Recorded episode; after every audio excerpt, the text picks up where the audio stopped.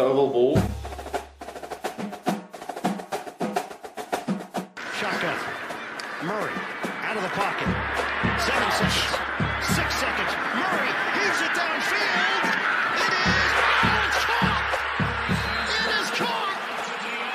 DeAndre Hopkins. Miraculous. I play in the NFL. I think I play in the NFL. I think I play in the NFL.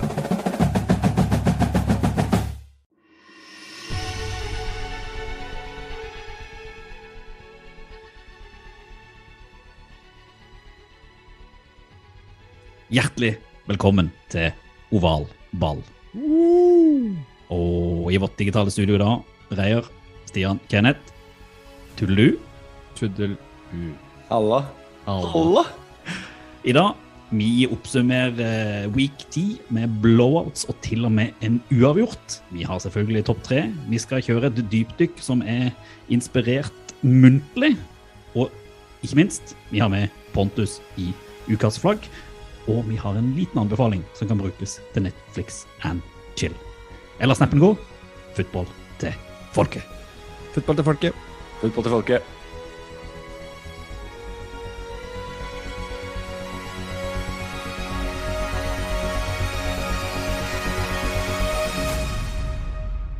Ei uke siden sist. Liv humper går. vanlig. Hva har skjedd i, i din verden, Stian, den, den siste uka? Har eh, noe revolusjonært, noe stort, noe du ville dele med folket? Og helt enorme ting har skjedd. Nei, vet du, det eneste rå som, som foregår her, er uh, egentlig at jeg har fått i gang hunden på løpetur. Um, vært på et par løpeturer, senest i dag uh, faktisk. Og det er jo uh, jeg, Hun var glad i meg før, men etter at vi har begynt å løpe sammen, så er jeg superhelt. Får du til å løpe fot? Nei, jeg trenger ikke det. Jeg er jo trekkbikkje. Det er jo klart at hun drar meg opp i Ja, det er digget, da. Du, For oss som ikke forstår sånn hundespråk, eh, hva, hva betyr å løpe fot? At den ved løper siden langs ved siden av deg hele tida. Ah, okay, okay. Nei, altså Det er jo valpeløping, så hun løper jo dobbelt så langt som det jeg gjør på samme tur. Med du Løper par mye oppoverbakker, da, så får du trekk. Ja, masse oppover. Mye i skog, eh, løp i skogen. Og grusvei og kupert terreng. Men det er kjempegøy. Deilig. Ja, helt nydelig. Nå i, da er vi jo kjempeheldige med, med høsten i, i, på østlandsområdet òg. Det er eh, deilig med tre-fire grader og frisk, god høstluft. Så, så for de som møter oss på, på ball 25.11, så vil de jo skjønne ganske fort at du er den spreke av oss tre i oval ball. og Det er vel ikke sånn at det, det kommer til å minske når du har den hunden med på tur i tillegg. Det er jo virker som du er, er sånn du er oppe i 35 000 skritt om dagen og sånn galskap. Mm, ja, men det Sånn er det jo. Sånn er det jo. Er ikke dere? Nei, jeg Jo da. jeg Jo, jo. passerer tida. Absolutt. Tida er passert før klokka åtte om morgenen. Ødene løper ikke så langt. Det er ikke så Du får slippe dem fri. Dessuten pleier jeg å sykle og finne dem når de stikker av. Altså. Apropos høner, hvordan går det med Kenneth, eh, nede i Grimstad? Jo, altså nå har jo Jeg tror i hvert fall tre av de har begynt å legge egg, da. Så nå er det oppe i en eh, fin produksjon. Eh, tre av gangen. Så ca. tre om dagen, da. Så da, selv om de er små, så får man jo en eh, liten omelett hver dag hvis man vil. Så det er helt konge. Så nå, nå er det gøy med høner igjen, da. Eh, ellers så er det jo ikke så mye som skjer her nede heller. Det er jo som i resten av landet, Prøv sjukdom med et i litt bedre innsalg, da. alle, alle Du solgte jo inn ditt akkurat på samme måte. Nei, men jeg har faktisk gjort eh, noe gøy. Jeg har spist hummer eh, på lørdag. Var på hummerlag. Eh, det var ganske digg. Anbefales. Snobbete. Anbefales. Snobbete, ja, definitivt. Og digg. Apropos snobbete. Ja, Apropos det. Den, den, den liksom føler jeg etter. Liksom, det, altså, det som ikke er snobbete, det er at selvfølgelig er syke barn her òg. Her er vannkoppene kommer hoppende inn. Ja, ja, Så ja, det er nei, alle barn er syke. Kona er syke, alle er syke. Bare alt, alt er sjukt. Det er liksom. Men så jeg til på NRK de hadde lagd en sånn egen artikkel om at alle småbarnsforeldre nå bare er lei etter gjenåpning. Den Leika faktisk den Ja. på Facebook. Ja, jeg følte meg veldig igjen. Men apropos snobbete, det jeg har gjort i helga, det er at jeg har hengt med kongelige. Jeg har hengt med kronprinsessa. Det er liksom ikke som ofte, så det var kjekt. For jeg jobber på et sted som hadde 75-årsjubileum, som vi ble feira i Oslo rådhus. Hvor da kom prinsessa og varaordføreren og rektorer fra hele sektoren i Norge dukka opp for å feire oss. Og da var det boble og kronprinsessehenging. Med behørig avstand, selvfølgelig. Og full fest på slutten av eh, kvelden. Prøvde du å selge inn football til fiffen, eller? Jeg prøvde, men det er et eller annet sånn Jeg jobber jo i universitet- og høyskolesektoren, og de, de tar seg litt sånn De tar seg litt høytidelig. Så den der, der Ja. den, den faller liksom ikke i smak. Når du sier Jeg, jeg elsker jo Melodi Grand Prix, og så er jeg glad i NFL, og plutselig allerede da så er jeg ute av samtalen. Det er liksom, det er Igjen ikke, så skulle du hatt noe merch. Lite Ja. sånn pin eller et eller annet Apropos på Pin, dressen. pin på smokingen? Pin på smokingen. ok. Det hadde vært noe. Kenneth, Så må du Jeg har fått noen kontaktinfo nå, da, så kan hende det blir noe merch. etter hvert. 2023. ja, 2023. Det Ja, kommer iallfall ikke til å være noe klart eh, 25. november, fordi at 25. november så eh, har jo vi eh, eh, sammen med Pikkpreik eh, ikke live, livepod, men iallfall live hendelse på ball, hvor vi ser eh, Thanksgiving game og møter dere, håper vi på. Så der håper vi alle, alle dukker opp, eh, som har lyst til å komme, i alle Det blir nok en liten quiz i forkant av første match mellom Bears og, og Lions der. Og lite veddemål tar vi nok imot. Det blir nok eh, høy skålefaktor. Og veldig hyggelig å treffe dere som gidder å høre på oss, da. Det setter vi pris på. Så hy, hyl ut på våre sosiale medier, ovalballpod, eller kontakt ovalball.no hvis du har lyst til å komme, eller bare lurer på noe, eller eh, har noe du vil ha sagt. Og så håper vi jo at vi ser dere alle der om ei god drøy uke, må en jo si.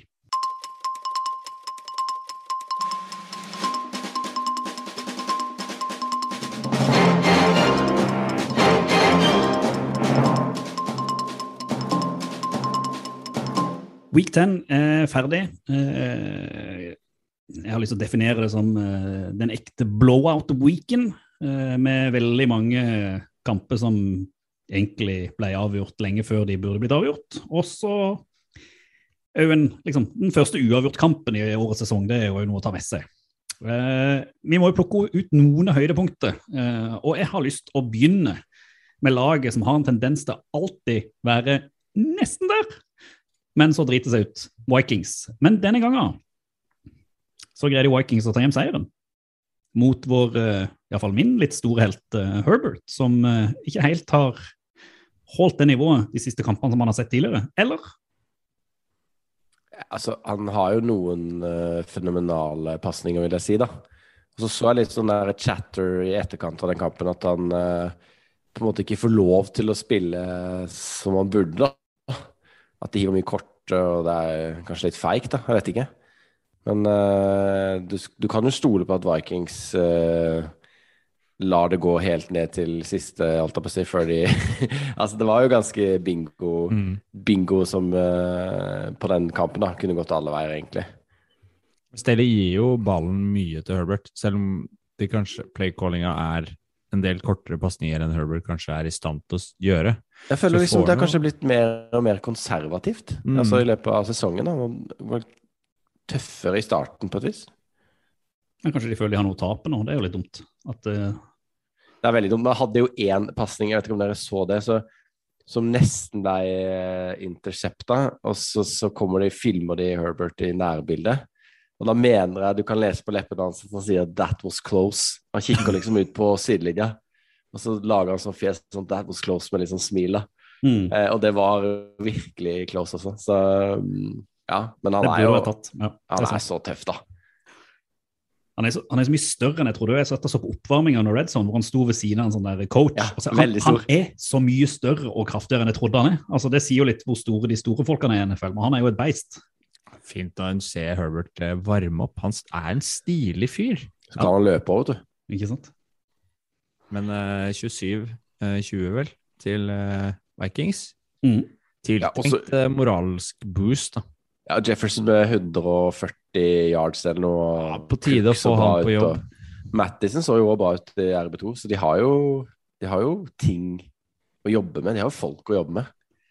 Men de er liksom sånn, det er et ekstremt nesten-lag. Jeg føler de alltid har vært sånn. De har alltid vært der, men de har aldri kommet opp på det nivået man har forventa av dem. Og det må man jo snart kunne forvente. Når det gjelder Jefferson, da, så, så ble det påpekt at han har hatt ganske dårlig Dårlig med catches og, og yards de siste matchene hvor de har spilt dårligere og tapt. Den matchen her hvor de, hvor de treffer han, og han får løpt, så vinner de. Uh, det er sant. Eh, det jeg har lyst til å gå videre til, det, det må en jo si, det her sitter vi og podder mens eh, Norge møter Nederland og Montenegro møter Tyrkia. Så her skårte plutselig Montenegro, så det stille. Så det var liksom et godt tegn. Ikke at vi bryr oss, men det må sies. Altså- ja, rund ball. Jeg bare beklager. Jeg bare beklager.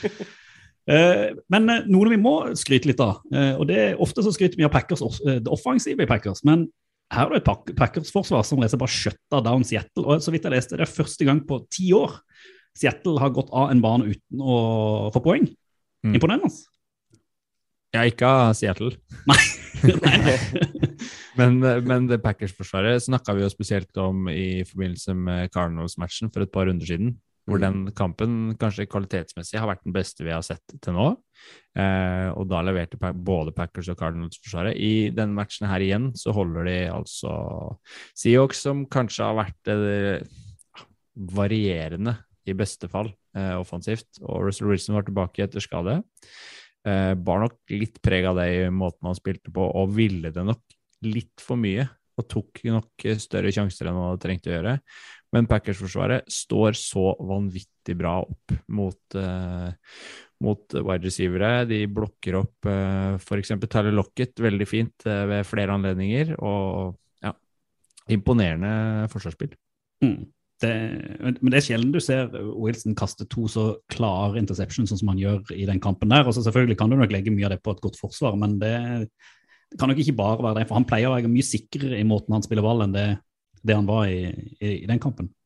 Jeg kom jo tilbake fra skade, da. Mm. Eh, nå hevda vel både han sjøl og Pete Carroll etterpå at eh, skaden hadde ingenting å si, men, men eh, ja. Det er som du sier, da. Det er to litt sånn Kanskje litt rare interceptions òg, på en måte. Så jeg vet ikke. Han har ikke spilt på noen uker. Nei, og Det samme ser du på de spillerne som kommer tilbake fra Biowick også. at De ser litt sånn rustne ut. da. Det har vært mange lag som går på tap etter Biowick, så her kommer Russell Wilson tilbake til flere uker ute og virker veldig rusten i en match som er viktig for, for Seahawks å prestere på. Eh, og ser vi da tilbake til forrige runde, hvor de faktisk vant en ganske jevn batalje, så kan man jo lure litt på om er tilbake for tidlig. Burde de heller stilt med samme lag som sist, som kanskje var drilla inn og hadde et system inne og, og spilte på backup QBs eh, sterke sider, da. Mm. De er fall, eh, Sesongen kan man vel nesten si er over for Seahawks, i hvert fall når du ser divisjonen og hvordan de har, de har spilt. Eh, for et lag som sesongen ikke er over for, men som har en sånn tendens til å enten tape ekstremt rare kamper eller kjøre sånne crazy blowouts. Buffalo Bills. Denne gangen med en crazy blowout igjen mot eh, Jets, som har liksom vist litt, eh, litt form. Og eh, Mike White, vår kjære backup quarterback som vi skrøt litt av, han landa kontant på jorda. Altså, jeg tror ikke jeg har sett så mange interceptions i en kamp som han kasta. Det var interception på interception på interception. Han ble bytta ut. Blacko avslutta matchen her. Du får, jo, du får jo på en måte en liten Du fikk jo en liten headset på hvordan dette kom til å gå når han mente sjøl han skulle vært number one pick her på Mhm. pressekonferansen før kampen.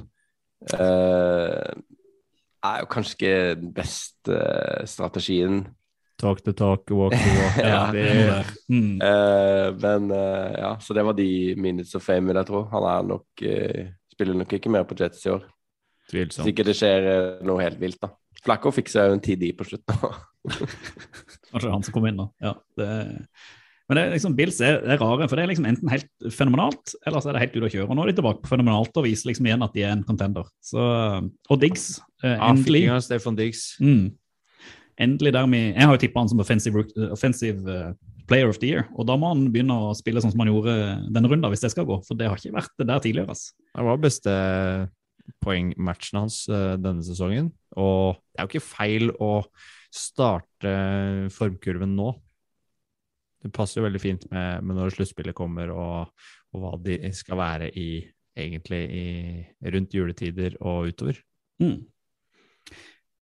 Og så et av lagene som bare fortsetter, selv om i hvert fall for min del, jeg har trodd de egentlig skulle få bremsa ordentlig på eh, ja, foten ordentlig på bremsa, det er jo Tennessee Titans. Etter at Henry har uh, ryka, så greier de allikevel å produsere kanskje ikke sånn kjempeimponerende, men de greier å produsere seire. Og er jo virkelig der oppe og kjemper om en eh, eh, i alle fall playoff, men også til og med tittel. Mm, jeg syns det er så rart nå, for nå, nå snakker man jo ofte om Tennessee Titans og leter etter grunner til at de ikke skal eh, vinne divisjonen, eller vinne conferencen sin, da. Mm. Eh, og hele tiden så tror man nei, de ryker på et tap her, eller noe de når Derrick Henry ut, og så ryker de på sikkert mot uh, Saints, for de har så godt forsvar. Men de, de klarer hele tiden å hente fram det de trenger for å vinne. Og de siste matchene nå, nå har de jo slått alle egentlig slu- sluttspillaga de møtte, eller alle sluttspillaga fra i fjor, som de har møtt de siste syv på de siste syv kampene eller sånn. Og står ekstremt godt opp, da, selv med eh, selv uten største stjerna. Og nå så jo ikke Tannehill så verst ut. Han var til og med syk i forkant av matchen med et eller annet magevirus. Så jeg syns det er imponerende det Titans leverer. Mm. Og så jo eh, Saints hadde jo liksom Det var så nesten for de da. Mm. De bomma jo en, eh, et ekstra poeng, og så måtte de måtte prøve å gå for to, og så, ja Det er det jo Ja, de kaos. driter seg ut på på straffer på slutten. Altså det flagg Ja, ja. på slutten Men- ikke sant? Det er udisiplinerte og Men de havner jo også i den situasjonen at de må gjøre det fordi de bomma på et ekstra poeng, og så er det jo på en måte hvis, når, du liksom, eh, når det er- handler om det siste playet i kampen, da, da har du på en måte ikke vært god nok gjennom hele kampen uansett, da, på et vis. Eh, men, eh, men det er som du sier, da. Tennessee de, de henter de close gamesa nå, altså. Og nå og nå har de jo Texans i neste, Ja, ikke sant. Det er walkover. Mm. og står 8-2 fra før. Mm. Ser solid ut. Ja, Forsvaret deres syns jeg bare ser bedre og bedre ut. Det er jo der de har tatt kampene nå. at eh, Om Mm. ikke de får det helt til offensivt, så har de et forsvar som bare gjør, gjør kampene og tar, henter poeng. Så Ja, og så er Julie Jones er også ute, selv om ikke han har vært en kanskje den stjerna som de hadde trodd han skulle være, da. Så er han jo fortsatt en solid eh, receiver som, som vil heve av laget, eller i hvert fall vært et alternativ å spille på, og tatt oppmerksomheten til eh, forsvarsspillerne de møter. Så de har spillere som er på vei tilbake fra skade også, så de er ikke helt uh, fulltallige. Og til slutt i, i denne oppsummeringa så må vi jo kikke litt i skal si, buksene til Urban Meyer. Men altså, Jaguars har blitt ja, jeg vet det, de har, de har blitt litt bedre. Men de får det liksom ikke helt til. Og det var der liksom symbolikken var for Urban Meyer på dansegulvet. Fikk det heller ikke helt til. Men det er liksom, det er nesten. Men allikevel så mister de. Og for eksempel, jeg syns jo Trevor Lawrence ikke er så god som jeg trodde han skulle være. for Han har hatt flere muligheter til å kunne ta disse seirene for, for Jaguars med å rett og slett bare treffe på kastene sine, og, så, og så mister han. Han har liksom ikke han er ikke den, Ah. den man trodde han skulle være. Men Jeg er litt uenig, for jeg, jeg syns nå de matchene han har spilt i det siste, så leverer han mye bra kast og leverer eh, eh, mye potensielt gode plays. Men det er mange som mister ballen, som ikke er i, kommer seg i riktig posisjon raskt nok, eller som faktisk ikke klarer å ta imot, da, som var tilfellet nå.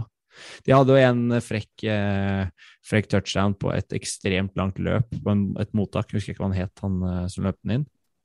Men han nå hadde et par eh, katastrofale miss i løpet av matchen der som var eh, ja, Som ikke setter Lawrence i et godt lys, og han får gjerne skylda også, men her syns jeg litt synd på Trevor Lawrence, faktisk.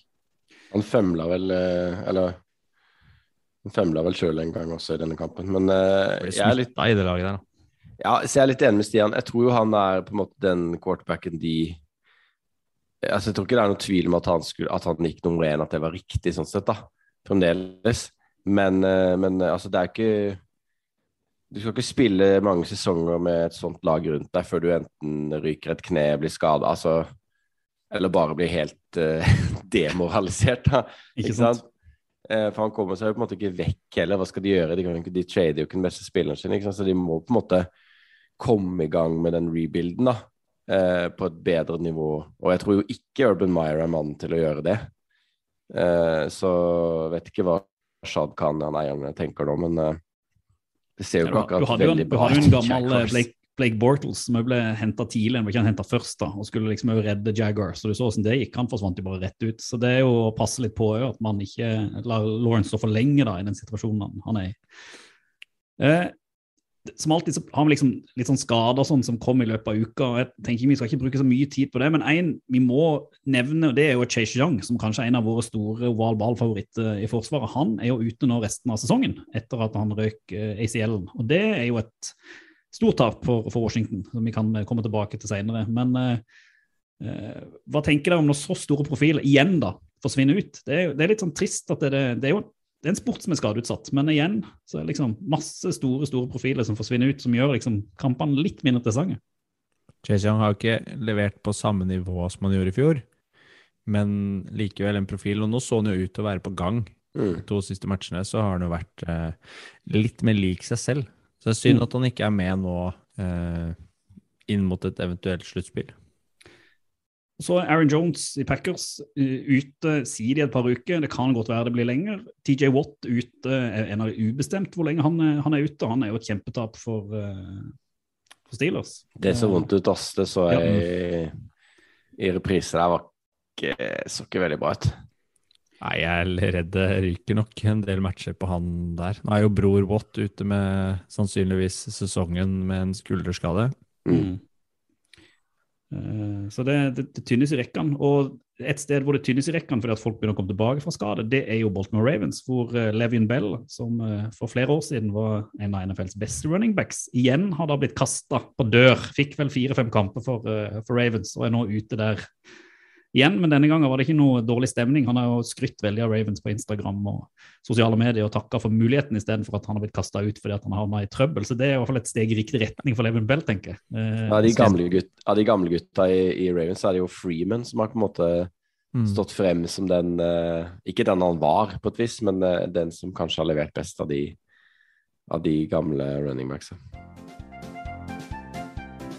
Topp tre. Tre topp. Pott tre.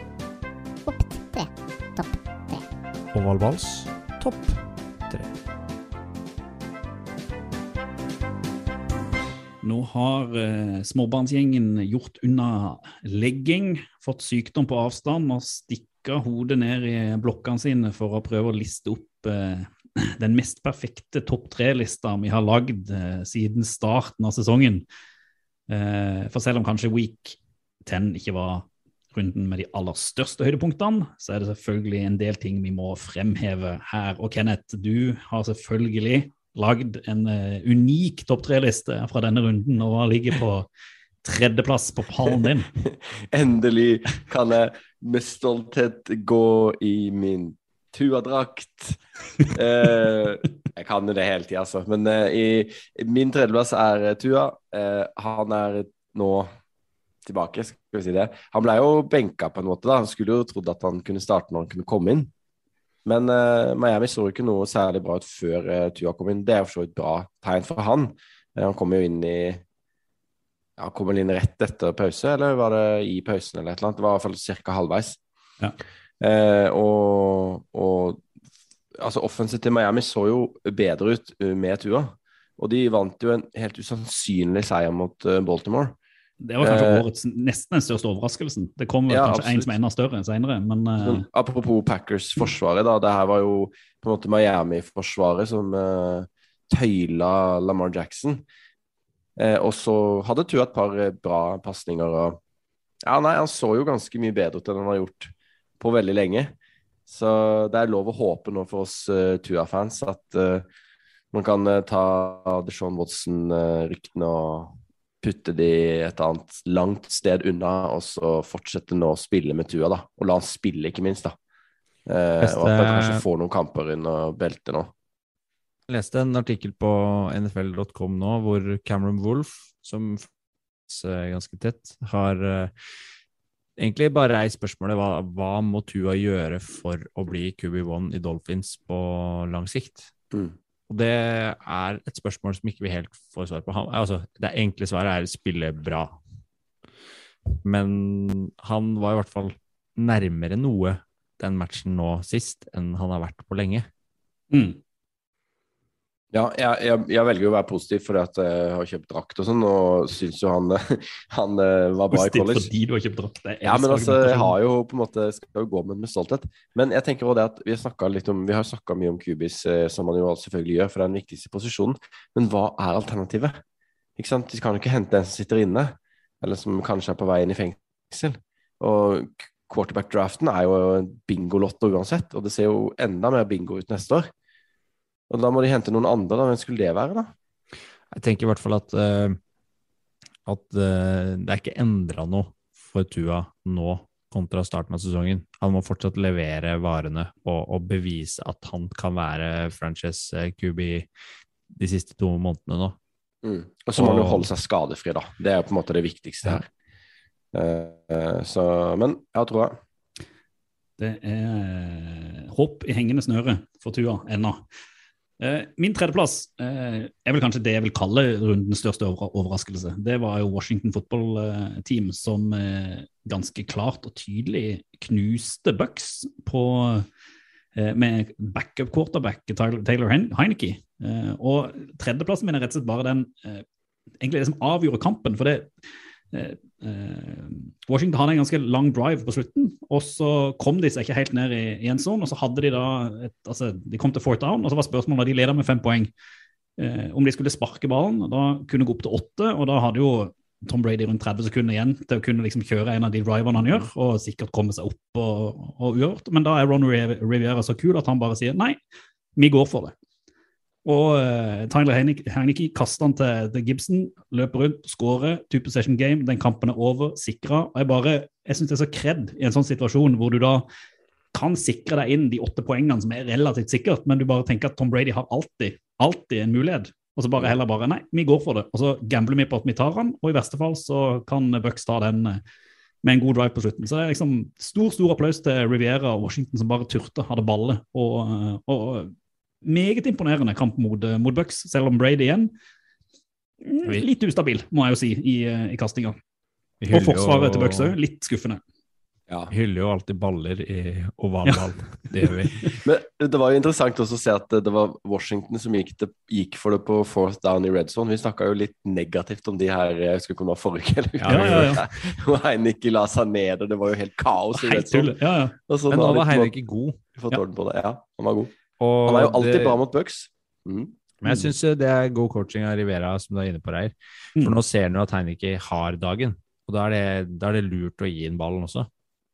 Men det er jo mm, jeg vet ikke, uvanlig rutinert og, og ryddig angrepsspill av, eh, av Washington. Å kjøre den timinuttersdriven på, på slutten der og, og, og få det til.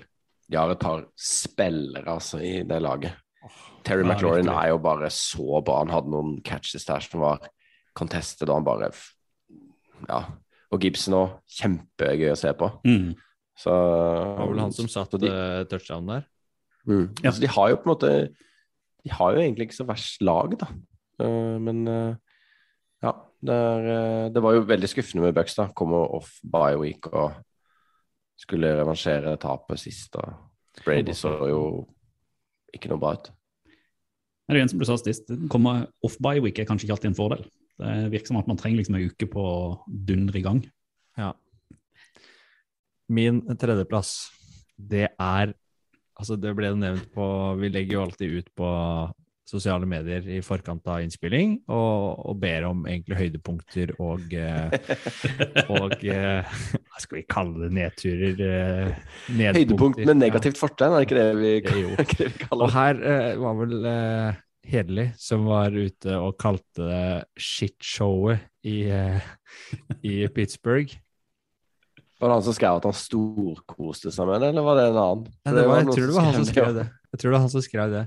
Og det er jo solid. Uavgjort 16-16, Detroit uh, Pittsburgh Steelers. Uh, for oss som fikk med seg høydepunktene og det viktigste som skjedde i den kampen der, så var det Altså, det var dårlig vær. Det var to lag som var ganske dårlig angrepsmessig, eh, og altså greit forsvarsmessig.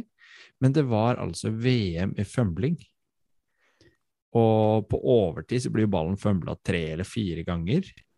Eh, Idet du tror at kampen er på vei til å ebbe ut, så fømles ballen igjen og gir det andre laget en sjanse. Og da de skal prøve, så fømler de ballen og gir det andre laget en sjanse. Altså, det var en det er, det er veldig sjelden man ser det. Og at kampen da ender overtid, tenker jeg er like greit, da. Det var nesten fortjent. Altså Når ikke de greier å få skåret noen poeng på de ti minuttene, bare pømle fram og tilbake, så var det, ja, det var like langt. Jeg, jeg leste et intervju med Niji Harris, som selvfølgelig er en av våre store. Han bare sånn Å ja, han var ikke klar over at det kunne bli overtegnet i NFL, så han var klar for et nytt kvartal. Så, Jeg trodde ikke det kunne bli gjort. Nei, det Nei, sånn, det, det går ikke an. Så, det kan jo kanskje ligge i bakgrunnen der at de, ingen turte å satse ordentlig hvis alle sitter og tror at det skal liksom spilles en ny overtime-periode. Vi fikk en uavgjort, da, og det er jo på sett og vis stas. Det ødelegger jo liksom statsa, da. Ja, men i hvert fall for Lions så slipper de å tape alle kampene denne, denne sesongen hvis det Det er skjer. sant. Det er sant. Så det er jo et lite, lite pluss. Så 0-16-1. vi kan, jo, vi kan jo bare glede oss til den storkampen som kommer til å bli en høydere Lions Bears klokka halv sju 25. november på ball. Herregud, det skal bli morsomt, det. Men hva skjer med på en måte Pittsburgh, da? Altså nå De må jo hente en, en quarterback. Ja, det er så hjelpeløst Altså, nå har Rudolf, Rudolf, vært der i Hvor lenge har han vært der nå? Tre-fire år eller noe? Han er jo ikke mannen som skal spille quarterback for Pittsburgh. Og jeg mener jeg så en tweet om at uh, at Haskins drev og kasta på sidelinja og sjekka mobilen og litt forskjellig, så jeg vet ikke om han er uh, Han får, mannen de sikkert, skal han får kanskje prøve. Han kan umulig gjøre det noe særlig dårligere enn det Rudolf gjorde. Men han, Mm. han må jo være ganske dårlig Altså Når han ikke får spille engang. Når Rudolf er så dårlig. Men en mann vi kan trekke fram i den matchen, som, eh, som vi snakka om før sesongen, Panay Sewell, offensive tackle til eh, Detroit, Mm. har heva spillet sitt. I de siste matchene så tror jeg bare han har tillatt eh, fire pressures eller noe sånt, og har ingen sacks på, på Goff. Så- det er jo ikke ganske bare det, til å være så litt mobil som Goff er. Er. Sammenligna med de første fem kampene denne sesongen, hvor han var Mm. ganske dårlig og Lions ikke fikk forsvaret til å sitte, så, så er Penny Sewell i hvert fall et lyspunkt i, det, i den offensive linja til eh, Detroit. Jeg, jeg fant den tweeten her. Det er Adidi Kinkambala som tweeta. Mason Rudolph has had four years to show you who he is. Dwayne Haskins, ostensibly one play from his first game action yesterday, spent warm-ups throwing lousy passes and checking his phone. Ben Rossetsberger may not be who he once was, but there's a reason he's your QB, Steelers fans. Godt sagt. Så ja. Det er jo Ja. Nei, de, de må jo ut og hente noen, altså. Rett og slett. Din, din andreplass, Kenneth, der eh, har jeg en følelse at vi er inne på et lag med en quarterback. Å ja. Ikke bare quarterback, men masse, masse offensive spillere. Det er jo Cowboys. Jeg hadde jo hele Cowboys her for to uker siden. Så hadde de ikke forrige uke, og så er de tilbake igjen denne uka. Men uh, altså, de, eh, de um, Ja, de tok, tok seg jo av uh, motstanderne på greit uh, nivå. Også, men altså, CD Lamp jeg, jeg, jeg er så fascinert av disse wide receiverne, de, de unge som kommer inn i, i, i ligaen og bare er så sykt gode fra dag én. det, det er flere som, som på en måte treffer uh, altså det, det er mange wide receivers som, gå, som går rett inn. da. Sidi Lamb er en av de. Utrolig gøy å se på. Uh, tar imot ballen i, i konkurranse med andre, Uh, løper seg fri, får yards after catch. Altså Han er hele pakka. Og så ser han jo så tynn ut. Og det syns jeg er så, så fascinerende. skalla ned uh, Dac Prescott på sidelinja med hjelmen. Han skulle, Dak skulle gratulere med et catch, og så hadde CD Lamb på seg hjelm, ikke dekk. Og idet oh, ja. de liksom skal bort og si 'hey, bro', så nikker eh, liksom CD Lamb til ham på sida. Så Dac står der med blåveis og blør litt fra nesa. Og Gjorde det? Å, Ja. Det fikk ikke med hver gang. Oh, det Ja, men det var, det var virkelig en, en storkamp for Eller en slags comeback-kamp for Cowboys. Cowboys. Eh, og så hadde jo eh, alle cornerne, hadde, starting cornerne hadde jo interception. Eh, Brown og Louis og Diggs. Selvfølgelig Diggs, Diggs men, eh, ja. men, eh, men de tre andre også. Så det var jo en, en ekstremt fin dag på jobben. Parsons hadde jo vel en sack og litt sånn. Så det, Deilig å komme tilbake der de skal være. ja, det var fint å se at de kom rett tilbake, egentlig. Man Mm. kunne liksom Det er jo en week to week league, da, som folk sier, men det, det er det jo absolutt. Det skjer jo ting hele tida som, som man ikke skjønner noe av. Eh, det er derfor ikke vi kan tippe noen av oss, bortsett fra Stian. Eh, og så Så det var gøy, godt å se at de var tilbake. Jeg håper jo de når langt i playoff. Det hadde vært så gøy å sette i Superbowl. Herregud, så gøy. Eh, Broncos knuste jo Cowboys sist, og min andreplass er rett og slett at Broncos endelig var tilbake og så ut sånn som man trodde de skulle se ut. Dritt. Eh, fordi at eh, det er sjeldent Jeg tror jeg aldri har nesten har nevnt Eagles i denne spalten her. For de er jo litt sånn De har iallfall vært et ganske traurig lag. Men den kampen de hadde mot Broncos nå, eh, med et forsvar som plutselig møter opp De har jo ikke hatt det nesten hele sesongen. Og da Jalen Hurts, som plutselig bare ser ut som en sånn topp fem quarterback. Eh, får til nesten alt han prøver. Men én interceptions, det kan man tåle. Og så bare, liksom bare sånn på toppen av kaka, det der eh, fumble recovery til Darius Slay, hvor han da finner ballen, mister ballen, plukker han opp igjen, tar Ja. seg noen piruetter og løper mellom hele forsvaret og inn til touchdown. 82 Kokte yards. greit. Altså, hele det Eagles-laget i den kampen der var helt fantastisk å se på. Det kommer sikkert til å bare være den ene kampen de får det til, men uh, nydelig å se at de òg tråkka litt på, på, på Broncos. Og det å liksom skåre var 30 poeng på kanskje et av NFLs aller aller beste forsvar, som skjøtta ned Dallas totalt. Eh, Jeg er rett og slett ganske imponert. Ja, altså Måten de gikk ut av startblokkene på, måten de Mm. åpna kampen på, da var det påskrudd og Jalen Hurts og, og Davante Smith. Ja. Eh, begynner Apropos å vise varene. Ja, begynner å vise varene, han også. og Vise var hvorfor han er henta. Ja. Mm. Det ene catchet der mellom de to folka bare Mm. utrolig bra. Og så er jo Eagles Det kan jo se ut som de har noe å bygge på, da. Det, de har jo en del, en del De har en del gamlinger, men de har også en del unge nå, da. De står jo også ved et veiskille om å velge en Mm. eh, Om ikke franchise QB, så, så må de jo velge en quarterback å satse på. Jalen Hurts har jo tidvis levert varene, og hvem altså, andre skal du gå for igjen, da? Ja, nei, det blir helt utrolig for meg hvis de, de kan ikke gå til uh, draften nå. Nei, her, altså, han, han har vist såpass fremgang i denne sesongen at her, her har du kanskje altså, et gullodd hvis du satser på han. Altså, han syns jeg bare blir bedre og bedre og bedre. og bedre. Så, Som vi snakka om sist, så tror jeg uansett han Når man ser quarterbackene som spiller i ligaen, så tror jeg han starter uansett neste år. Ja. Selv om han eh, Men jeg tror det blir for, de, for Eagles Mm. at han spiller videre der. Kan ikke skjønne annet. Han føler jeg ikke er et spørsmålstegn lenger, sånn som han har spilt de siste, siste kampene. Men vi må vel snakke om Teddy òg, når vi først er innom den kampen, Du eller? kan få lov å prate litt om Teddy. Så du feige-Teddy? Ja, det var det jeg skulle snakke om. Jeg tenkte, jeg tenkte liksom at eh, For du, vi snakka litt om dette i den uh, chatten vår, da. Mm. Eh, og så tenkte jeg tenkte med en gang på Friday Night Lights, ikke sant.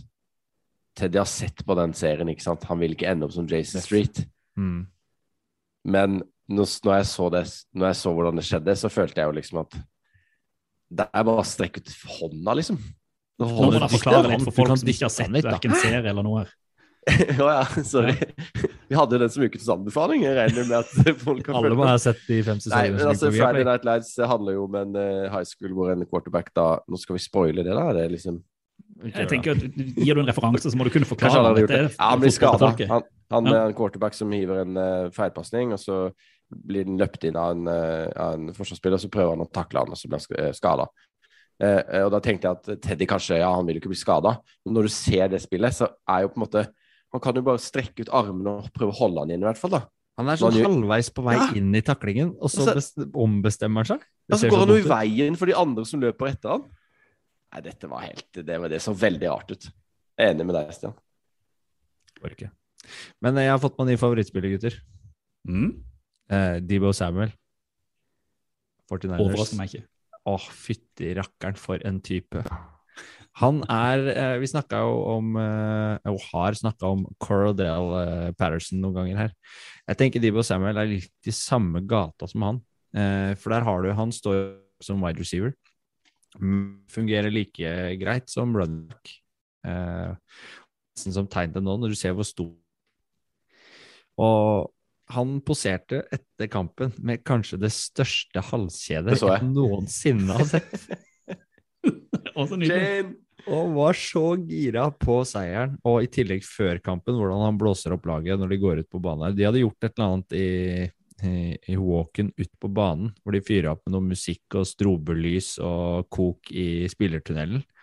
Det var ikke bare å marsjere ut der i gården lenger, og det så ut til å funke. Første hjemmeseieren til eh, 49ers på evigheter, mot et Rams-lag som ser litt forfjamsa og vimsete ut.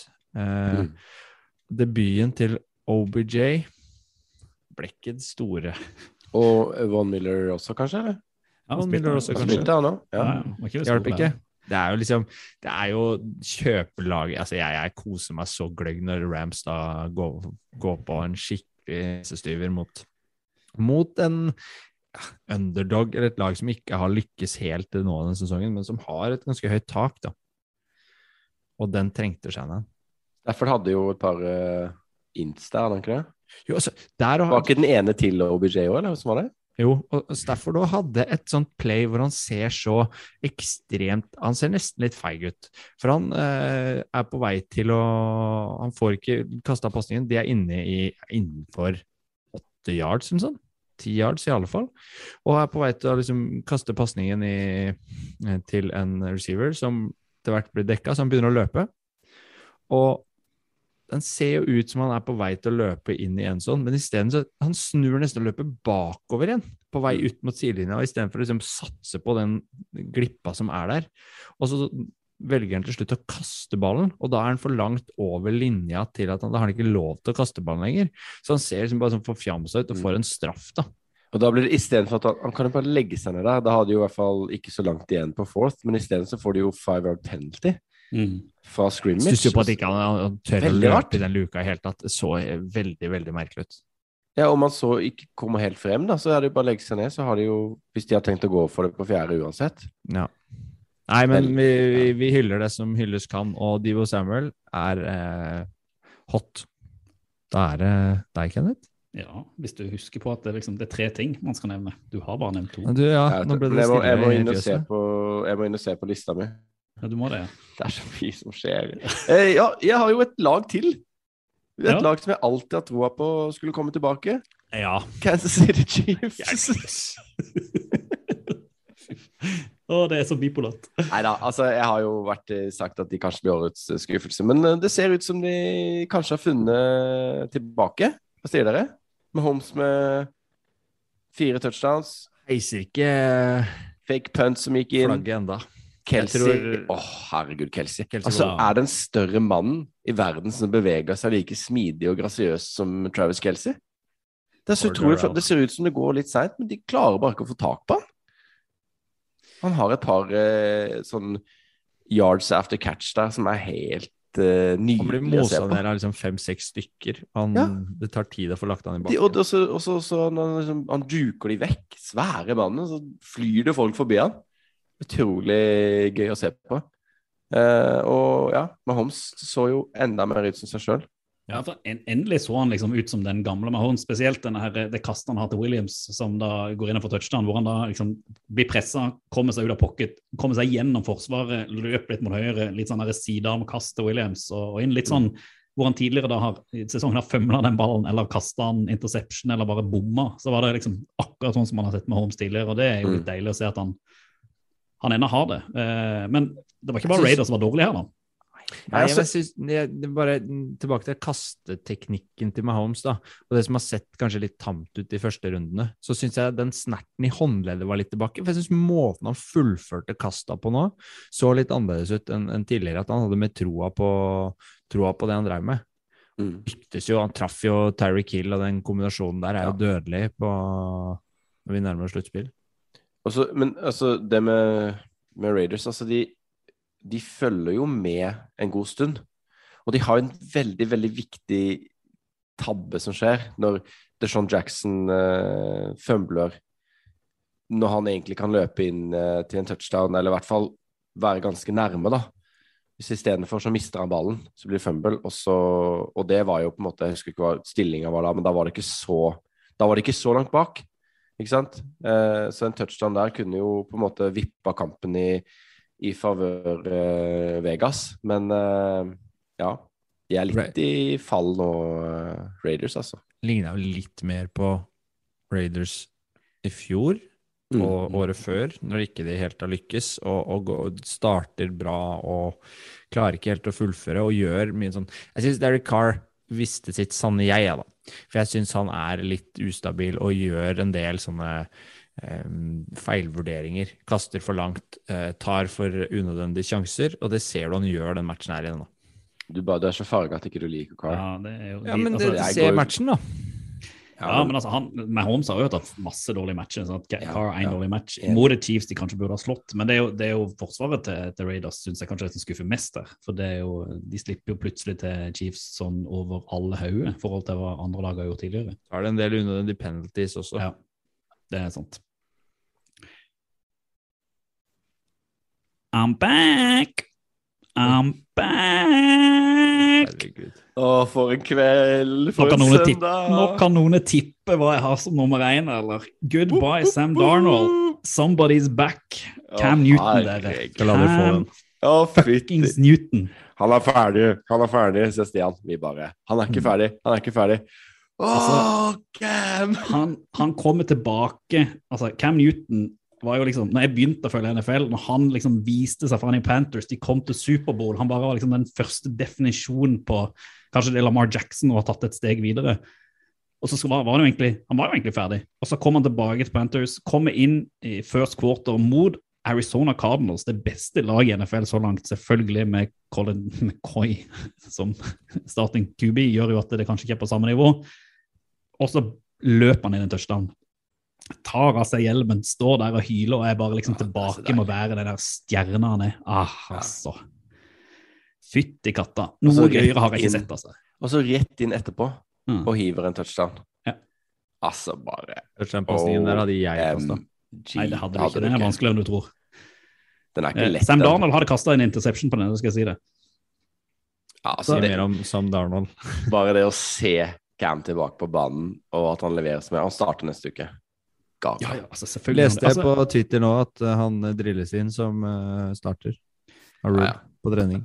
Men bare, altså bare se på den endringa av det Panthers-laget. som bare for noen, noen altså de, har, de har vært helt oppløst, men Dar- Darnold som ikke har Han har jo, han har jo ingen status, han har ikke noe støtte. og så Det er McCaffrey som er tilbake.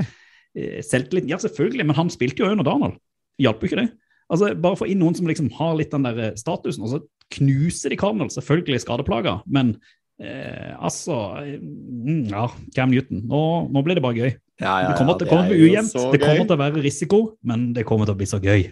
Åh, Jeg elsker det. Jeg har bare lyst til å si til, eh, til Cardinals, eh, om ikke forsvar, så er det jo De har spilt i fjor, så ble Kyle Murray skada eh, da sesongen egentlig skulle avgjøres, da det var snakk om sluttspill, og han ikke leverte på samme nivå som, som han var i stand til. Og det er et Kyler Murray-angrep vi snakker om, da. Et som er skreddersydd for han, hvor han kan løpe og gjøre sin greie. Nå har eh, Cliff Kingsbury og resten av teamet gjort veldig gode vurderinger på, på å holde han tilbake og ikke bruke han før han er 100% Og på de kampene han ikke har spilt nå, så står Cardinals 1-1. Og jeg syns det er en ganske sånn god uttelling hvis du får tilbake Kyler Murray i toppslag. Sykt bekymra for det, altså. Du er ikke ute to uker hvis ikke det er skikkelig vondt, på en måte. Nei, Hvis ikke de tar seg råd til det fordi sesongstarten har vært så bra, da. Nei. Jeg vet ikke. Number one seed er så viktig. Jeg er enig i det. For hvis du får eneren, så får du, får du buy-in, ikke sant? Men Men nå, nå skal vi ikke glemme hva nummer én på min toppliste. Det er ikke Kyler Murray. Vi prater altså Her må vi, vi må bare vi, altså, vi må Holde oss- bare- holde fokus, Ja, vi må holde oss til, ja, vi må holde fokus. Det er helt greit. Vi kan prate om Kyler Murray resten av sesongen. Vi elsker mannen, men altså Cam Newton. ja, enig. Enig. Takk. I dag, Stian. ikke, fikk ikke avsporinga. Nei, ikke noe avsporing her. Du skal få lov til å få ta din førsteplass. Det skal du få lov til, Stian. Vi skal Men til en annen quarterback. Cam Newton. Vi skal til en annen uh, favoritt. Som kicka ut McCorkle. Cam Newton. Ja, ja. McCorkle som dunka ut Cam Newton. Han er på en måte førsteplassen over eh, Cam Newton. Han er jo over Cam Newton når han tok plassen i, i Belichicks øyne. Og nå leverte Nå leverte han. Godeste, godeste Mac Jones. Han eh, var jo ikke kanskje Altså helt sånn awesome i, i leveringa, men han leverte ekstremt effektivt og så veldig besluttsom ut. Eh, hadde vel 19 av 23 av de pasningene sine som satt for nesten 200 yards. Han kasta til tre touchdowns, ingen interceptions, og hadde en passer rating på 142,1, melder eh, The Athletic, uten at jeg er 100 sikker på hva det står for. Så Det er er veldig det rimelig høyt. Mm. Og slår du det sammen med de angrepsvåpna som, eh, som ser ut til å tyte ut av det Patriots-laget, da, som for eksempel running back eh, Stevenson. Ramondre Stevenson, han så helt crazy bra ut. Og han Veldig er også bra. rookie. Han er rookie. Så Også, og det forsvaret de møtte, som i utgangspunktet er skal jo være et av de beste i NFL, det Cleveland-forsvaret, som bare ble altså, sveitserost. Altså, jeg- det må jeg si. Det er første gang Jeg har på en måte avskrevet Patriots denne sesongen òg, men etter den kampen der Sånn som Mac Jones spiller, så stabilt, er jeg nesten redd han kan gå Altså, de kan gå hele veien. Altså, De er- det er Patriots-kampen De. ja, altså, de, er, de er som er nå. De kan utfordre De utfordrer Bills i divisjonen, de kan utfordre alt. Han er så mye mer stabil enn jeg trodde. Han, er, han gjør ikke feil. Ja, han er, ikke, han er liksom ikke Lamar Jackson eller Justin Herbert på en del av de der magiske spillene, men han gjør jo ingen feil. Det er jo fullstendig stabilt. Han brukes jo på den måten han skulle. Han Mm. kaster ballen riktig. Tar riktig valg og, og følger systemene til Belichick. Og hatten av. Eh, Det Patriots-laget her eh, spiller seg varmere og varmere og bedre og bedre. Og når vi snakker om formkurver og hvordan man skal utvikle seg i løpet av sesongen, så virker de til å ha funnet en slags identitet til laget som de rendyrker og ser ut til å dra seg til sluttspill med, og der kan alt skje.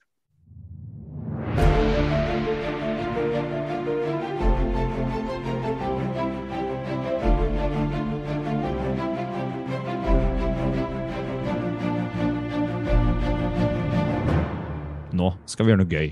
Nå skal vi gjøre noe vi ikke har gjort før. Eh, Et slags sånn muntlig dypdykk eh, draft-style. Og vi har kommet såpass langt i sesongen at det er på tide å rangere. Altså tabellen rangerer jo, men vi har jo også sett og legger litt sånn følelser i hvilke lag vi mener er best.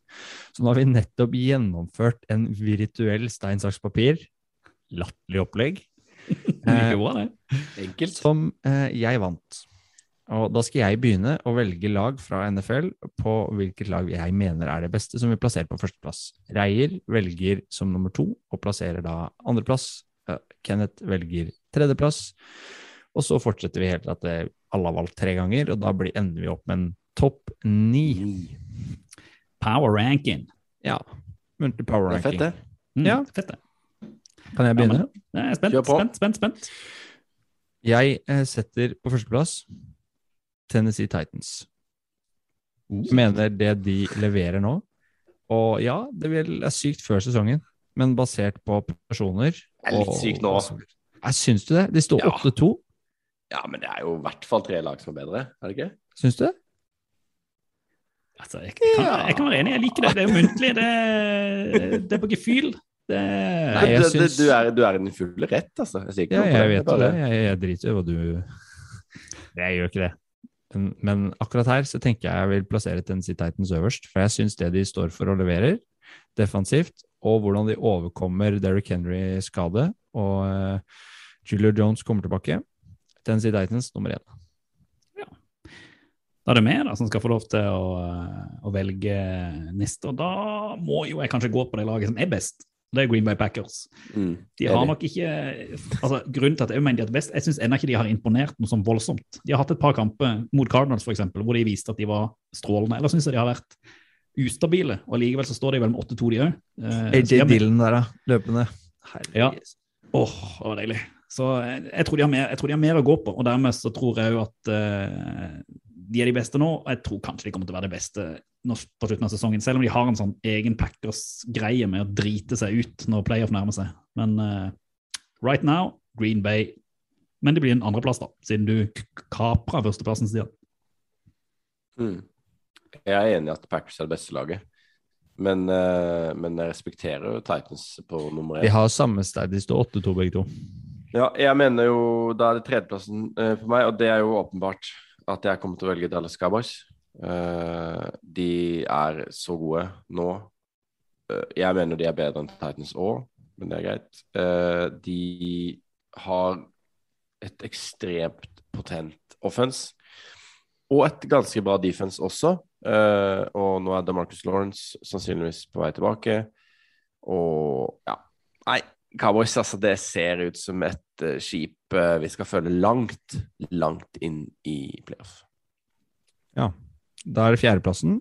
Og jeg velger det laget som egentlig er bedre enn Dallas Cowboys eh, statistisk, som også står på 8-2.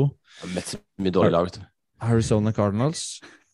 Eh, selv med Kyler Murray ute. Og jeg håper han er tilbake, for ellers så kommer de til å falle på denne power-rankinga her. Vi gjør nok det. Eh, men det de har levert, og imponerende forrige uke, uten Kyler Murray mm, Fikk bank av Cam Newton nå. Jeg tror det bare var et lite skjær i sjøen, at det humper fint videre, sånn som de, de fleste laga har gjort, da. Eh, så eh, fjerdeplassen går til Cliff Kingsbury. Kjempesesong. Nå syns jeg det begynner å bli litt vanskelig, for nå er det sånn at mange av de lagene jeg egentlig burde hatt på den femteplassen, syns jeg dreit seg sånn ut denne runda, og da fortjener de ikke plass i den right now-ranking, ikke sant? Enig. enig. Du må hoppe, dermed- vi må hoppe ut av standings og inn i feelings. standings. Så dermed så- Washington skal du ha det, Leif. Eh, ja, så gal er jeg ikke. Men det, det står liksom mellom divisjonsrivaler. Eh, og så vil jeg ikke si åssen divisjon, men etter litt sånn om og men, eh, så må jeg liksom skal jeg si, følge magefølelsen. Og da er det Buffalo Bills som eh, går inn på femteplassen. Eh, de har vært ujevne, men jeg syns toppnivået er så høyt, og jeg tror at de har litt erfaring med å kunne pushe seg inn mot playoff. og De var der i fjor. og eh, Toppnivået er kanskje det beste nesten i hele NFL, så derfor havner de på den femteplassen, selv om de har hatt et par skikkelig arbeidsuhell eh, den siste tida. Eh, men en ny blowout denne runden gjør at de kaprer den eh, hos meg. Enig. Så bra. Kort og kontant. Hva vil du ha på sjette da, Kenneth? Ja, folk kan ikke så... høre det jeg tenker, skjønner du. Det er problemet. Jeg Selv om liker jo å tenke i full offentlighet, da. Mm. Eh, Kjempegod pod det her blir. Kjempegod radio ja, men altså, det, det, det, det var jo muntlig, og vi har ikke forberedt uh, Chiefs, da. Ja. Har du en grunn for det, eller er det bare sånn Chiefs, da? Chiefs, da? Ja, jeg syns jo at uh, Chiefs er på vei opp. Og de andre lagene som er liksom i toppen og vaker, som Ravens og Bucks og Rams f.eks., på vei ned. Spiller dårlig. Uh, Mahomes er, uh, ser bedre ut enn noen gang uh, denne sesongen, akkurat nå. Og det er kanskje Ja, Chiefs er et av de lagene som jeg absolutt ikke har lyst til å møte nå hvis det er et av de andre lagene. Så jeg syns at de er en, en uh, verdig uh, deltaker på denne lista. Mm. Kan jeg si det sånn? Får jeg uh, syvendeplassen, da skal vi til Bill Belichicks New England Patriots.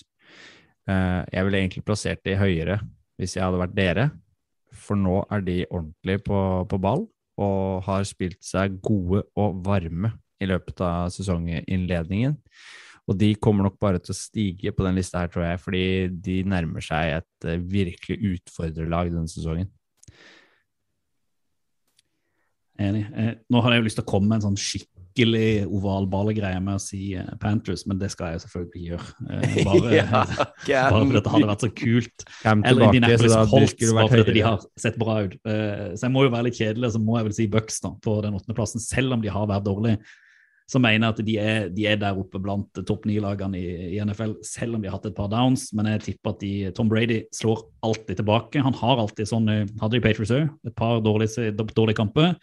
Kommer brutalt tilbake og har en tendens til å gå hele veien. Så eh, dermed så Selv om det gjør vondt å ikke ha Cam der, så blir det Bucks på, på åttendeplassen. Da er det min ære å runde da. Da blir det Ravens for meg. Eh, de har jo imponert jo ikke akkurat forrige uke, men jeg mener den Altså, Lamar Jackson, han er jo så god. Til vanlig, da. Bortsett fra forrige uke. Så gøy å se på. De har et eh, velsmurt maskineri. Hollywood Brown ser jo bare bedre og bedre ut. Bateman har kommet inn og ser veldig bra ut. Eh, så jeg liker det Ravens-laget, og tenker at de burde egentlig vært høyere også på denne lista. Uh, John Harbow Harbaugh eh, har også sett ut som en eh, litt bedre playcaller i Ja, ja. år, syns jeg, enn i fjor. Rik Rick Rosovic, han må med. Herlig fyr. Raymond from the 30. Flag is down. And Raymond has run out of bounds. Another flag comes in at the 32. There are six flags on the field. Det er jo en stor glede å eh, ha Pontus med oss denne uka eh, også. Og eh, denne uka vil jeg si at du skal inn og forklare oss en, en ganske aktuell regel som hos mange skaper en del irritasjon, spesielt hvis man heier på det ene laget som får penalty. Og det er regelen, altså to regler, men da unnecessary roughness eller roughing the passer. Som man ofte ser, spesielt når quarterbacket blir takla litt grann, eh, hardt, eh, og kanskje litt grann seint. Eh, har jeg forstått noe riktig der, eller er jeg helt på jordet, Pontus? Det der med seint er vel egentlig en veldig ja, gemensam nevner for de to, ja. Så Mm. du, du, du er inne på noen ting där. Men da, da håper jeg jo at du kanskje kan eh, litt mer pedagogisk ta oss litt gjennom. altså Hva, hva er reglene necessary roughness uh, og, altså, og for så vidt da roughing the passer? Hvor, hvor, hvor går grensen? Mm.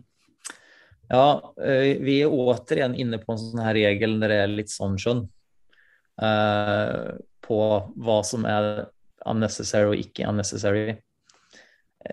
Unnecessary er väl tänkt som till exempel eh, om du eh, hittar en spelare, en, en vanlig ställe där de, när de kollar unnecessary är typ när det går ut av out of bounds. Och om du träffar någon som faktiskt står out of bounds och, och hittar någon där, då är det definitivt unnecessary. Men var går gränsen för när han skjønner han ut out of bounds eller icke? Du eh, har han tatt, många gånger så är det sånt, har han tatt ett, to steg ut og sen blir hittad, då blir det definitivt en, en penalty. Medan andre ganger så tycker man att okej, men han var faktisk aldri riktigt ute, men du borde ha skjønt at han faktisk var på väg ut der og typ egentligen hade gett opp og sen hittas. Så det är eh, ett ställe där domarna har en chans å legge ganske mye egen vurdering in i det. Då. Eh, Så da förstår jeg også att när man sitter och tittar på sitt eget lag så kan det kännas väldigt, eh, vad ska vi säga, not fair alltid.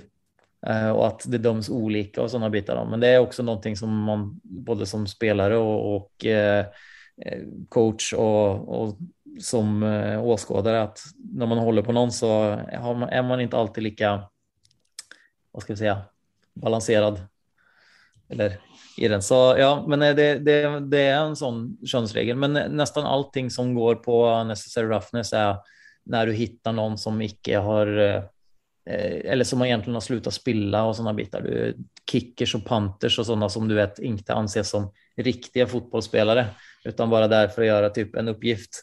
Eh, ja, då kan du få litt sånne biter også. Og sen også når du någonting, det kallades oftast för spearing för, förr i tiden och sånt. Eh, och det- er når när du brukar din egen hjälm och sånt för att faktiskt typ ja, hitta folk så mycket som möjligt i stort sett. Det är väl egentligen unnecessary roughness. Och sen så har de väl satt det lite på, på steroider när du väl kommer till en passer och du blir passer, eh, roughing the passer. För det är egentligen samma type, eh, samma typ av penalty. Eh, Men ja, det har skjedd litt i den ligaen hva vad det gjelder till eh, passing eller roughing the passer. Der har du jo typiske sånn ja, pass rushers som er så hissige og, og raske i avtrekkeren og eksplosive at de, de rekker jo veldig sjelden å stoppe liksom 150 kilo Aaron Donald på vei mot uh, en, en quarterback. Det er ikke rart at han treffer den.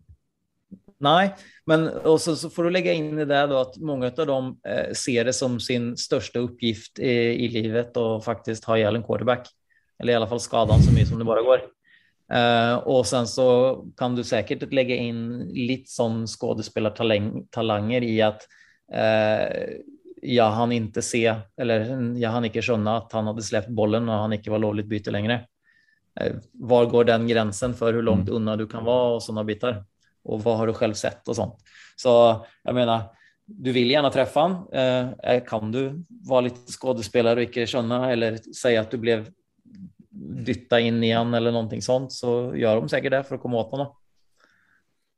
Det er jo kasta flere flagg på, på det i år enn en tidligere, da, så man ser jo at de er hissigere på, på å ta det, iallfall. Ja, och det, men det er noe som skjedde jeg tror redan forrige året eller året innan det. Eh, Det her med at når du vel treffer dem, da, for når du kjører roughing the passer så får du, du får ikke treffe lavt og du får ikke treffe høyt. Er du liksom borte i hodet eller hjelmen på han i det hele tatt, da kan du regne med at du får flagg. Og er du under knærne, da kan du også regne med at du får flagg. Og det der under flagg eller under knærne, det kom jo 2008-sesongen med Brady når han var ute den sesongen efter en sånn lav takling inn i knät. Men eh, det de har gjort senaste tiden nå er jo også det her med at ja, du, når du vel treffer den så får du ikke landa på den med hele kroppstyngden For at det er ikke lette folk som kommer og flyger på dem heller. Og så forsøker du gärna landa så mye med kroppstyngden som mulig på quarterbacken. Det har de jo faktisk nu forsøkt slå ned på de seneste årene. Så at når de vel treffer dem så måtte de försöka ta imot seg i backen og sånne biter. da, Så att de ikke får penalty på det da. Så det er vel den som er ja. Jeg syns det var rart det ikke ble diskutert her i forrige uke, når um, han kickeren til, uh, til Steelers Når de hadde den fake field goalen som han kasta ballen isteden. Så Ja. syns jeg jo han var lovlig seint ute, han som kom på han der. Og han kickeren er jo sikkert eh? Han er jo ganske lett, så han flagra jo av gårde. ikke sant? Så jeg tenkte der, Ja. Men det ble ikke diskutert etterpå engang, og Toblin sa jo ingenting om det. Men der følte jeg litt sånn at han kanskje burde blitt beskytta litt bedre av dommerstanden. Ja, då, men det är två olika ting där då. Eh, hade det varit ett vanligt spill och han hade löpt och vært varit någonting och de typ får tillbaka den och sånt, då är han beskyttad. Mm. Men när du faktiskt ger någon bollen och han ska göra någonting, då är han inte beskyttad längre. Nei, for han velger det på en måte litt selv. Han väljer det lite själv på en måte eh, och utsätter sig för den faran. Mm. Och jag menar, det är du kan ikke bare for at ja, men han ser litt tynn ut liksom. Nei, Eh, det, det, det, så bare så, det så bare så unfair ut. Stakkars. Ja. Da, og, da, og, da, kommer grensen. Hva skal du dra den da? Ta, ta Robbie Anderson, han er vel på, eh, Panthers. nå, va? Ja. Han ser jo ekstremt spenslig spenslut, så skal man da dra det dit også, på, til wide receivers eller liksom har du bollen da får du regne med å bli truffet, liksom. Det er nesten ja. der man får ta det. samme gjelder jo egentlig egentligen quarterbacks när de har väl har tagit ner bollen och löper med den. Då är de mycket beskytta och det var ju någonting som Cam Newton var skikkelig surt på eh, i många år för att han är så stor så då tyckte han att han fick mycket mindre beskyttelse än alla andra quarterbacks på den. Men jag menar, han löper med den och han löper och ikke tar slides liksom. Då, då får du räkna med att du blir tackla och hitta. Det syns jeg er merkelig at ikke at quarterbackene forventer på en måte å bli bedre beskytta. For jeg syns jo at de i, store deler av spillet kan forvente å bli tatt eh, på lik linje med alle andre, da. Mm. Ja, men det, og det der kommer nå inn på typ uh, the owners og uh, at det ligger veldig mye penger på de spillerne. Og de er liksom stars og sånne biter, og du vil ikke at de skal forsvinne ut spillet. For at, ja, du ser jo de lagene som får skadede quarterbacks och hur bra det går för många av dem. Mm. Uh, så för att minimera, det handlar, det handlar nog mer bara om att det ska vara mer show liksom och att det är viktigt att de spelarna faktiskt finns där. Det är samma sak när du tränar, liksom, uh, om du träffar quarterbacken uh, under träning. NFL eller andra lag och sånt. Det tas ikke lett på. Ja, de spiller jo med ekstra markering for at man skal se at det er quarterbacker, og så ikke man Ja. går sur på, på numrene, som var et mm. uh, poeng i starten her. Men, uh, men uh, de blir beskytta der, ja.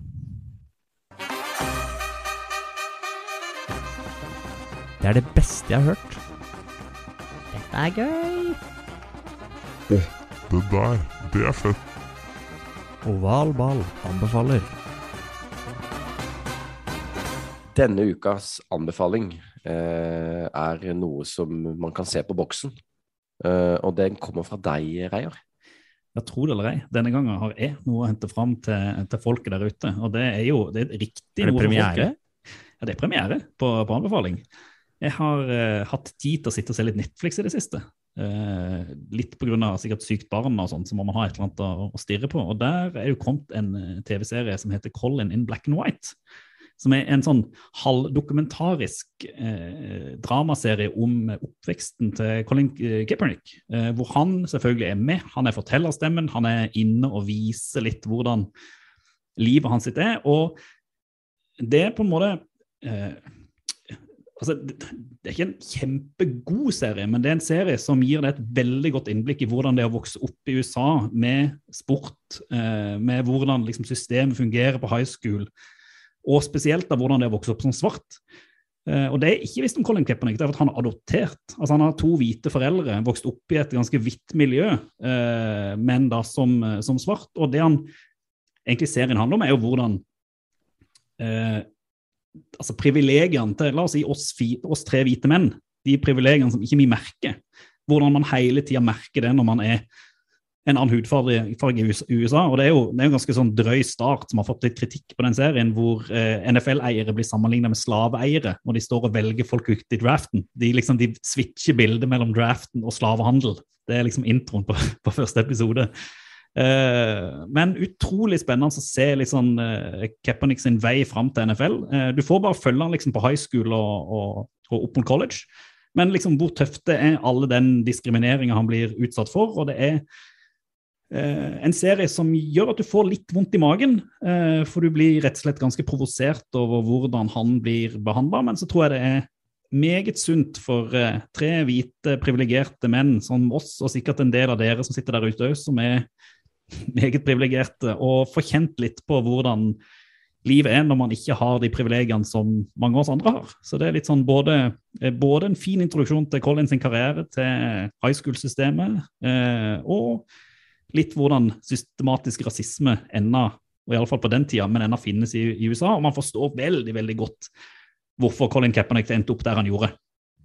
Eh, virkelig. Så det, det, er en sterk anbefaling, liksom både for å ha en TV-serie, men også for å få et innblikk i kanskje noe annet enn bare NFL. Selv om det er veldig tett eh, kobla til NFL, for han skal jo I always dreamt of being a quarterback. Det er liksom grunnlinja. Selv om han egentlig var bedre i baseball. Tro det eller ei. Hva skal du se på? Hva skal du se på? Rundens utvalgte.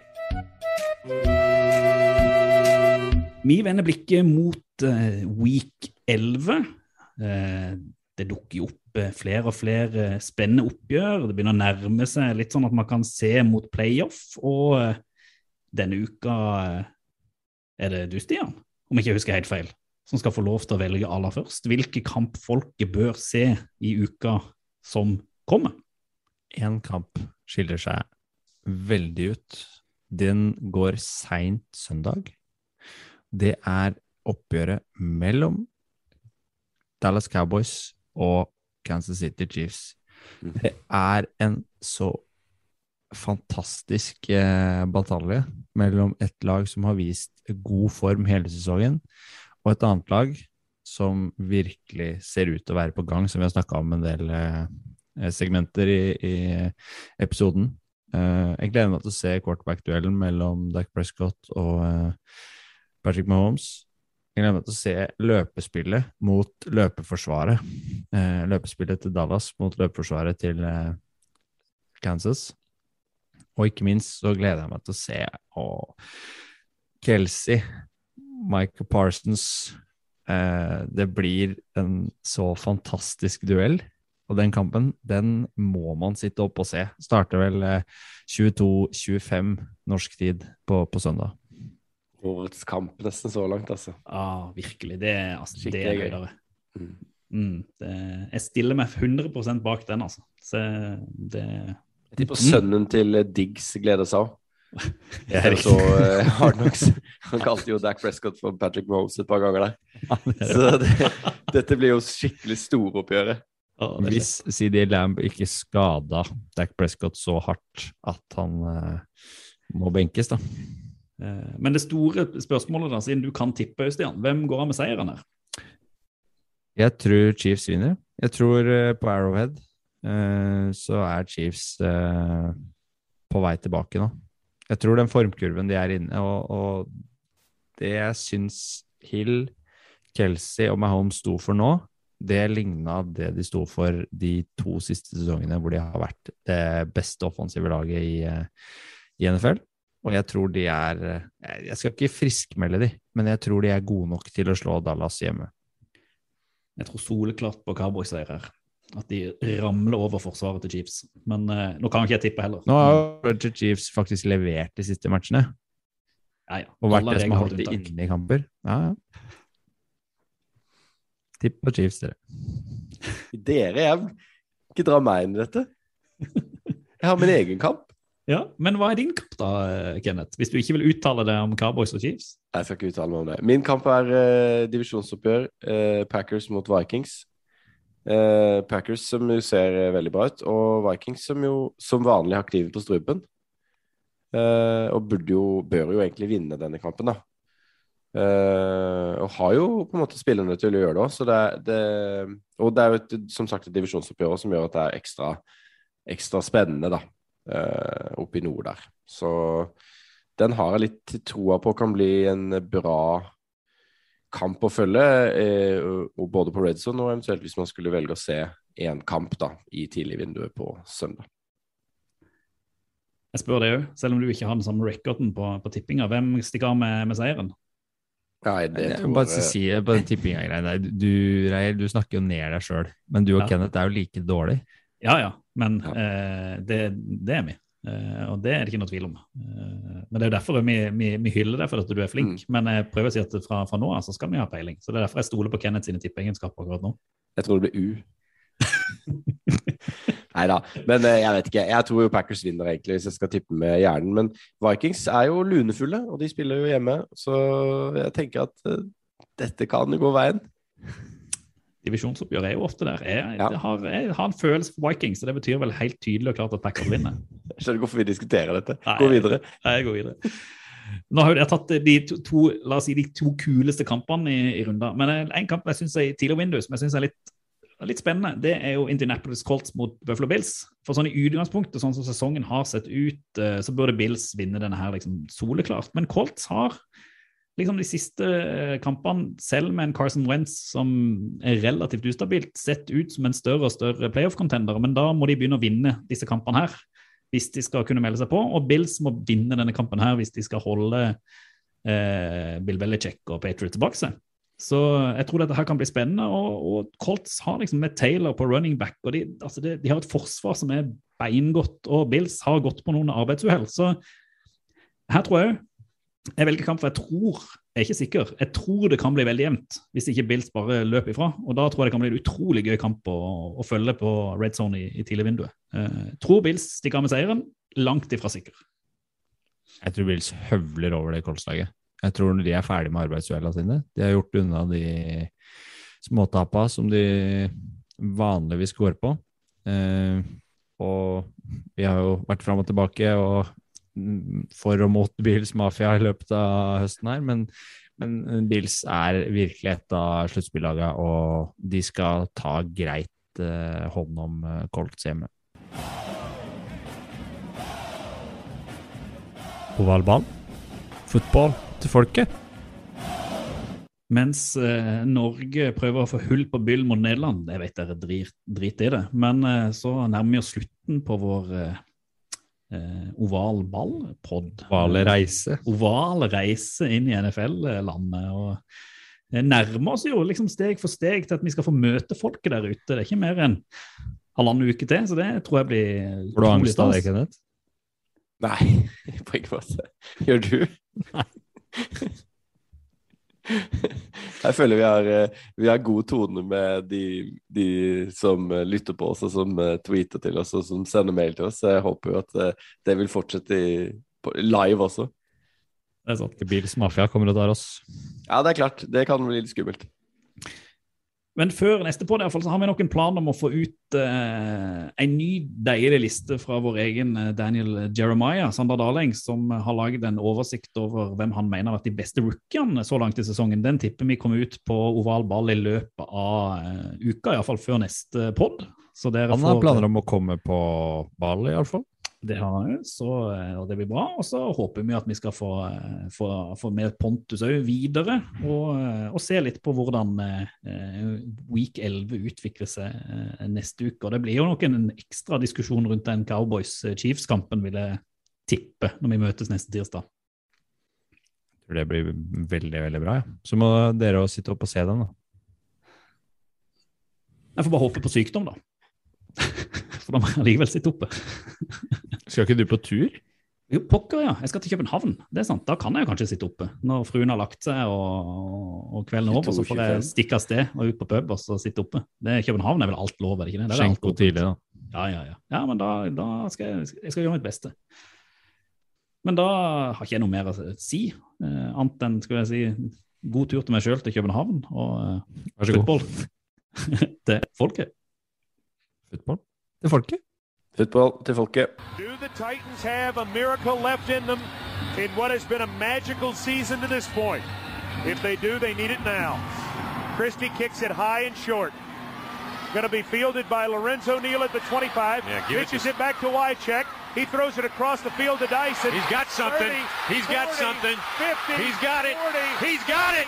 20, 10. He's got it. five, End zone. Touchdown Titans. There are no flags on the field. It's a miracle. Tennessee has